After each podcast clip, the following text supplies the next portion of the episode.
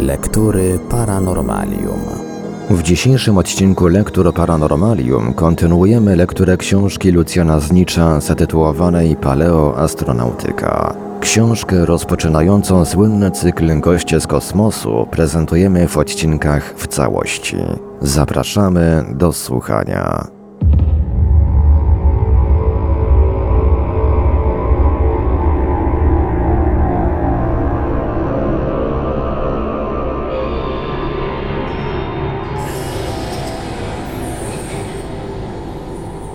Jaka technika tego dokonała?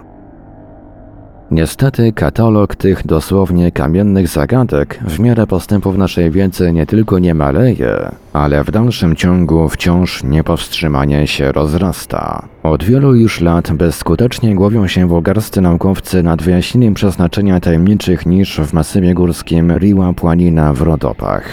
Odkryto tu już tysiące takich nisz w kształcie trapezu, wyciętych w wulkanicznych tufach lub piaskowcu, często na wysokości dziesiątków metrów nad ziemią, a więc wykowanych z największym trudem, z bardzo wysokich rusztowań, bądź też z podwieszonych wyżej lin. Wszystko, co udało się dotychczas na temat niż stwierdzić, to ich wiek, ponad 2000 lat, i istnienie podobnych pieczar na Węgrzech, w Jugosławii, Turcji i Himalajach. Czy jeden to naród wycinał te grody, czy była to ogólna moda naszych przodków? Dlaczego poświęcono tyle trudu dla tak niezrozumiałych nam dzisiaj prac? Co chciano dostrzec z tych tysięcy gród wyciętych w pionowych skałach? To wszystko pytania, na które nikt dotychczas nie znalazł sensownej odpowiedzi.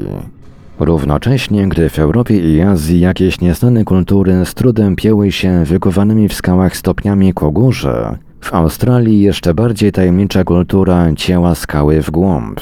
Już w roku 1932 w pobliżu jeziora Mackay odkryto na tym kontynencie szereg wyciętych w skałach studni o głębokości sięgającej do 10 metrów. Wydrążenie w jednolitej skale otworu o głębokości czterech pięter nie jest najłatwiejszym zadaniem nawet dla współczesnej techniki. Dla żyjących do dziś w epoce kamienia autochtonów jest to zadanie nie tylko niewykonalne, ale wręcz niewyobrażalne. Cała nasza wiedza jednak kończy się tylko na tym stwierdzeniu. Kto, kiedy, jak i po co tak głęboko próbował dotrzeć w głąb skał, tego nikt dziś nie potrafi wyjaśnić. Również i historię. Tak czarnej pagody w Indiach zaliczyć chyba trzeba do tych trudnych do udźwignięcia nawet przez naszą współczesną wiedzę zagadek. Nie musimy się wprawdzie głowić, kto i kiedy ją zbudował. W porównaniu z poprzednio wymienionymi budowlami megalitycznymi mamy o niej bardzo szczegółowe dane. Pagoda ta, zwana także świątynią słońca, Zbudowana została w stanie Orisa w Indiach przez cesarza Narazimidera I w XIII wieku. I właściwie nie o świątynię tu chodzi, tylko o zbudowaną obok niej 75-metrową wieżę, która, jak głosi legenda, przykryta została dachem złożonym z kamiennych płyt o łącznej wadze 2000 ton. Nic dziwnego, że ciężaru tego wieża nie wytrzymała i rozsypała się w proch i pył, Leżące wszakże tuż obok świątyni do połowy zarete w ziemi kamienne płyty są do dziś widomym świadectwem może krótkotrwałego, ale przecież mimo to trudnego wręcz do pojęcia sukcesu ówczesnej techniki. Jakie przedsiębiorstwo dziś podjęłoby się wydźwignięcia i zainstalowania dachu o wadze 2000 ton na szczycie 30-piętrowego wieżowca? A w maju 1976 roku niezmordowany Dejniken odkrył w Indiach jeszcze ruiny świątyni Martant, zbudowanej z kolei na fundamencie złożonym z wielu kamiennych monolitów o wadze dochodzącej do 500 ton. Badania archeologów dowodzą, że świątynia ta powstała prawdopodobnie w VIII wieku naszej ery. Dejniken upiera się, że kamienne płyty stanowiące fundamenty świątyni ułożone zostały jeszcze kilka tysięcy lat przedtem. Ale nie chronologia jest najważniejsza. Zawsze, aż do dnia dzisiejszego, u każdego człowieka, który zetknie się z takimi gigantycznymi kamieniami, pierwszym rodzącym się pytaniem jest, jak wspaniała musiała być technika, która potrafiła tego dokonać.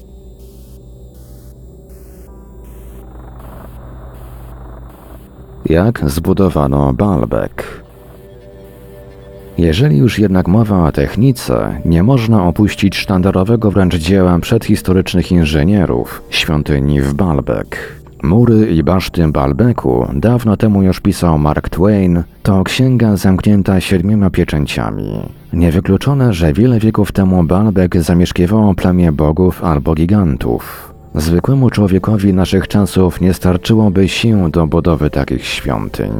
Koniec cytatu. Możemy Twaina pocieszyć. Nie tylko człowiek jego czasu wstawiał oszołomiony zdolnościami technicznymi budowniczych. Również dla techniki dzisiejszej jest to zagadka nie do rozwiązania. Zacznijmy jednak od ścisłych faktów. A więc sama miejscowość znajduje się na terenie Libanu, państwa, i na skłonie antylibanu, gór, mniej więcej godzinę drogi od Bejrutu. 51 stopni wspaniałych schodów prowadzi do Propyleum, kolumnady pod odkrytym niebem, które trzema bramami łączy się z sześciokątnym podworcem, gdzie mieści się ołtarz głównej świątyni otoczony murem z 230 posągami bogów. Jest to świątynia Jowisza Heliopolitańskiego. Baalbek w okresie rzymskim nosił nazwę Heliopolis, miasta słońca, która zaćmiła swym blaskiem dwie dalsze, również znajdujące się dziś w ruinach świątynie Merkurego i Wenus. Nie o same świątynie nam jednak chodzi, tylko o ich fundamenty. Otóż świątynia Jowisza zbudowana została na kamiennej platformie o wysokości 7,28 metra, w skład której z jej zachodniej strony weszły trzy gigantyczne obrobione głazy o szerokości 3,6 metra, wysokości 4,16 metra i długości niemal 20 metrów. Każdy z nich według współczesnej oceny ważyć musi około 700 ton. Wycięte one zostały w oddalonym o 1,5 kilometra kamieniołomie, przeniesione na miejsce budowy i tak dokładnie dopasowane, że z pewnej odległości niewidoczne są nawet miejsca ich styku. Po tych trzech blokach budowniczowie zresztą nie spoczęli na laurach, bowiem w tychże kamieniołomach Sheikh Abdallah znaleziono jeszcze częściowo tylko wycięty czwarty blok, nazwany El Hubla albo Midi, kamień południa, o długości 21,72 metra i rozmiarach końca południowego 4,25 metra na 4,35 metra, zaś końca północnego 5,35 metra na 5,35 metra. Jego prawdopodobny ciężar wynosi 1211 ton. W dodatku platforma, na której Rzymianie w pierwszym wieku zbudowali świątynię Jowisza, jak się przypuszcza, jest co najmniej o kilkanaście wieków od świątyni starsza. Tymczasem nawet dziś, a więc kilka tysięcy lat później, przy wszystkich naszych umiejętnościach technicznych, nie potrafimy sobie wyobrazić transportu i swobodnego manewrowania tak gigantycznymi blokami. Przykładem naszej bezradności w tym względzie mogą stać się obliczenia radzieckiego inżyniera Kołomiejczuka, który zadał sobie wiele trudu, by ściśle tworzyć warunki techniczne tego rodzaju przedsięwzięcia. Wyszedł on z jedynego logicznego założenia, że wszystkie te gigantyczne głazy przetransportowane zostały z kamieniołomów na miejsce budowy na drewnianych platformach ciągnionych za pomocą sznurów przez odpowiednio liczny legion niewolników. Zgodnie z obliczeniami Kołomiejczuka, przy współczynniku tarcia wynoszącym 0,2 i przy założeniu, iż do każdej platformy przymocowano 100 lin, na każdą z nich wypada siła ciągu wynosząca około 7650 kg. Jeżeli każdy z niewolników ciągnął z siłą 20 kg, jedną linę musiało już ich ciągnąć 382, a Stolin 38 200. Ale i ta nie bardzo już prawdopodobna liczba nie może być jeszcze prawdziwa. Trudno sobie wyobrazić, by drewniana platforma, na której spoczywał głaz, miała liczyć aż 100 metrów szerokości.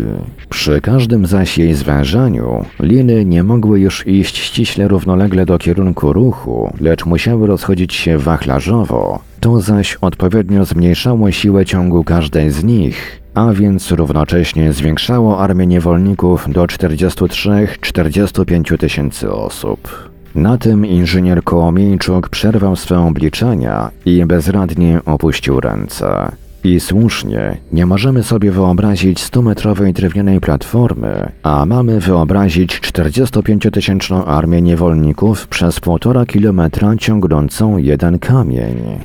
Ale jeżeli to nie odbywało się w ten sposób, to w jaki inny? Problem jest nie do rozwiązania.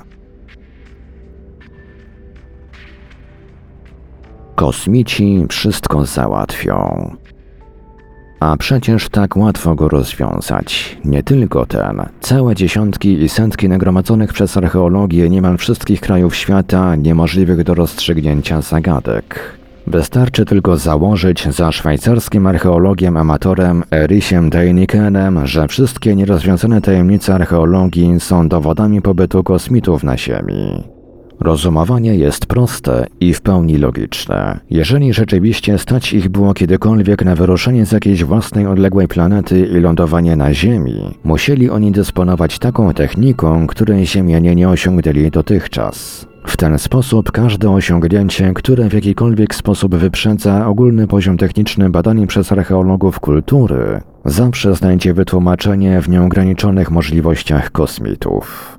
Dziś nie jest to zresztą mniemanie wyłącznie Dennikana. Już przed kilkunastu laty odbył się pierwszy międzynarodowy kongres zwolenników tej hipotezy, zorganizowany w Towarzystwie Antycznych Astronautów USA, następnie drugi w Szwajcarii, potem w maju 1976 roku trzeci już w mieście Trikwenica w Jugosławii. Mimo wszakże, iż ten ostatni zgromadził aż 150 uczestników z kilkunastu krajów z czterech kontynentów, z wyjątkiem Afryki, obrady jego referowane były przez prasę światową z tradycyjnym już dla tego typu tematyki przymrużeniem oka. Czy rzeczywiście hipoteza jest tak nieprawdopodobna?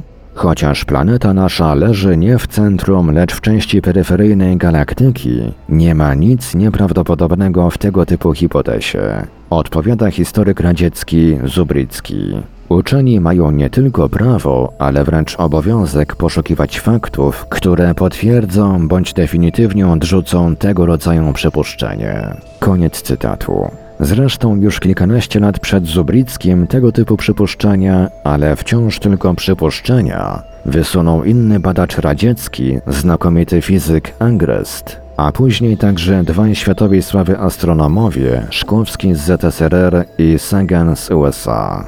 W swojej wspólnej książce Rozumne życie we wszechświecie dopuścili oni możliwość nawet wielokrotnego lądowania kosmitów na Ziemi, od razu jednak ostrożnie się zastrzegając, że jak dotychczas podejrzenia tego nie można poprzeć żadnymi dowodami. Dopiero kilka lat później Szkłowski całkowicie się ze swego stanowiska wycofał. Ale Dejniken z dowodami nie ma kłopotów. Przecież każda z tych nierozwiązanych zagadek archeologii jest automatycznie dowodem jego hipotezy. Nasze wiadomości o technice starożytnych nie zgadzają się z pozostawionymi przez nich budowlami? Nic prostszego. To przecież nie starożytni je budowali, tylko kosmici.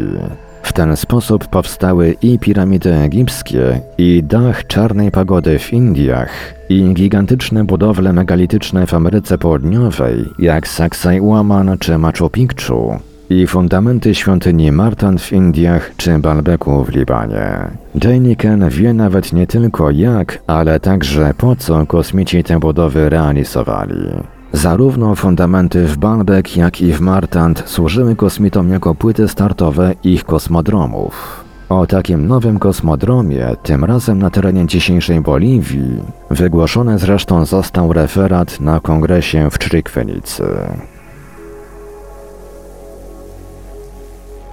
Tak proste, że aż trudno uwierzyć.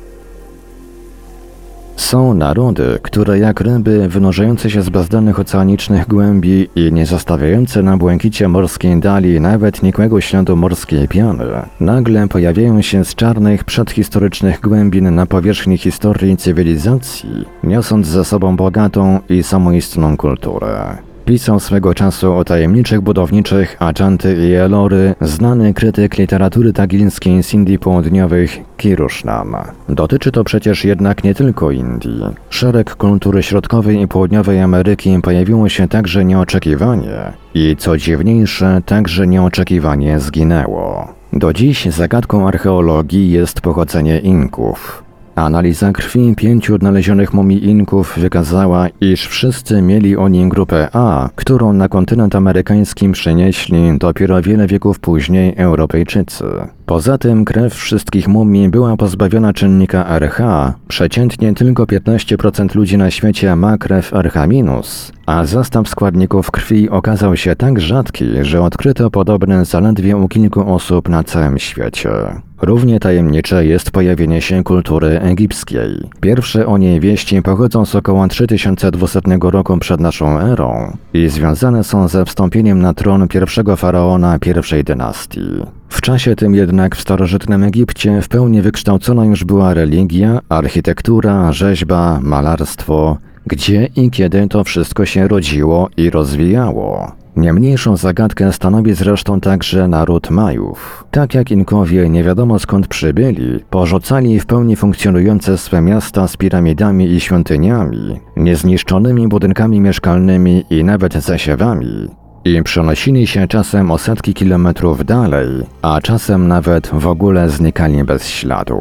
Kto znajdzie wytłumaczenie dla tych tajemnic? Oczywiście znalazł je Deniken, bo jeżeli założymy swobodną penetrację obszarów ziemskich przez kosmitów, również i te zagadki uzyskują proste wytłumaczenie. Wszystkie tajemnicze narody albo były kierowane i oświecone przez kosmitów, stąd tak nagły ich rozwój kulturalny, bądź też były nawet koloniami obcych przybyszów na Ziemi, którzy po spełnieniu swojej misji po prostu opuścili swe miasta i znikli bez śladu w kosmosie. W hipotezie tej zmieściło się także wytłumaczenie dziwnego kalendarza uwiecznionego na bramie Słońca w wykopaliskach Tiawanaku, liczącego zaledwie 288 dni w roku, a także kalendarza odkrytego w trzech rękopisach Maja. Zasady odcyfrowania tych rękopisów, tak zwanych kodeksów paryskiego, drazdeńskiego i madryckiego, Opracował jeszcze w roku 1949 przewodniczący Komisji do rozszyfrowania historycznych systemów pisma Akademii Nauk ZSRR Knorozow. Zaś w oparciu o te zasady zespół matematyków syberyjskich pod kierownictwem Sobolewa w roku 1960 przetłumaczył je na język rosyjski. I wówczas okazało się, że także kodeksy Majów zawierają kalendarz, ale tym razem liczący już tylko 260 dni w roku. Iluż archeologów od tego czasu połamało sobie zęby na obu tych nieszczęsnych kalendarzach. Wysuwano koncepcję, że kalendarze te oparte są na okresie ciąży kobiety.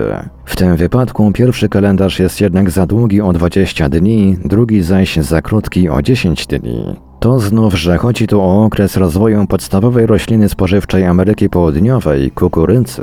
Ale wówczas powstawał problem, jak obliczono pozostałe 77 i 105 dni w roku. A tymczasem i tu wytłumaczenie jest bardzo proste. Kalendarze te, całkowicie niepasujące do warunków ziemskich, zostały żywcem przeniesione przez kosmitów z ich ojczystych planet gdzie lata rzecz jasna liczyły inną ilość dni aniżeli lata ziemskie. Również nieodcyfrowany do dzisiejszego dnia przez archeologię oficjalną wizerunek dziwnego kandelabru Spisko, jak i wszystkie rysunki z pustyni Nazca, nad którymi już tyle lat daremnie się biedzi Maria Rajsie, stają się nagle zupełnie zrozumiałe. Są to znaki dla kosmonautów, dlatego właśnie mają tak olbrzymie rozmiary i można je rozpoznać z dużej wysokości, wskazujące na znajdujące się w pobliżu pasy startowe i lądowiska statków powietrznych i kosmicznych. Prawda, jakie to w świetle tej hipotezy zrozumiałe i proste? Tak proste, że aż trudno w to uwierzyć.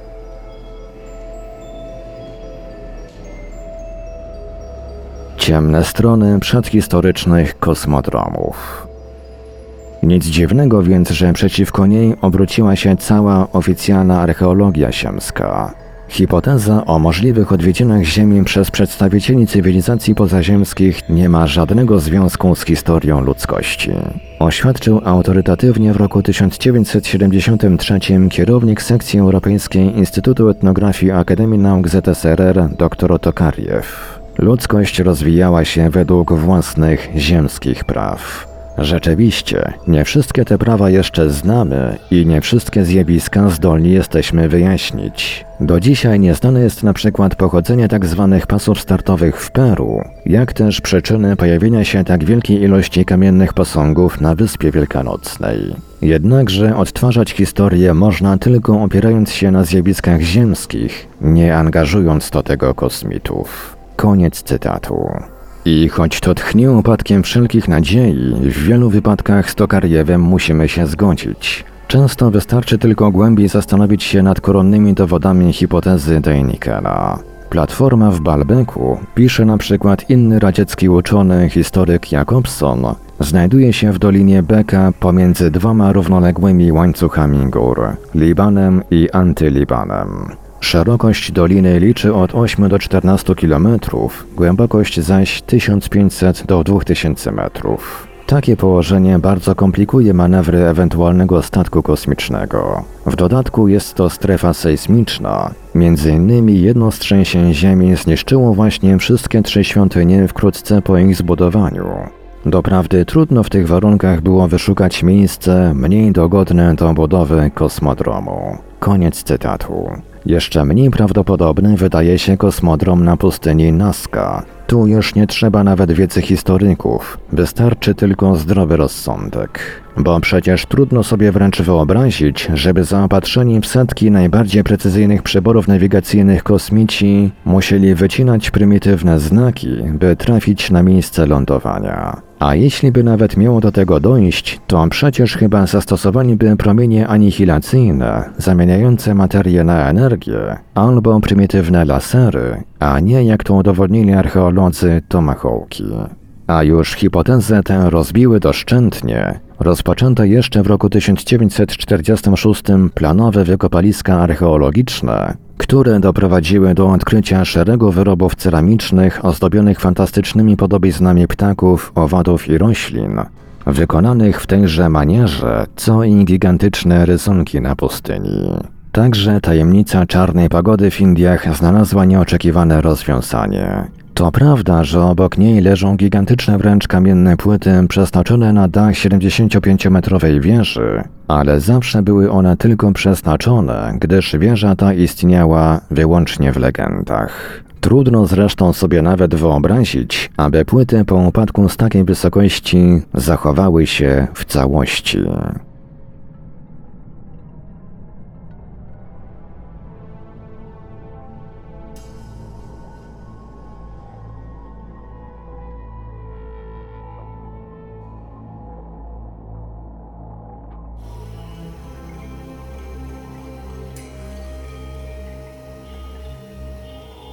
W Radiu Paranormalium zaprezentowaliśmy fragment książki Lucjana Znicza Paleoastronautyka. Dalszy ciąg w kolejnym odcinku Lektur Paranormalium.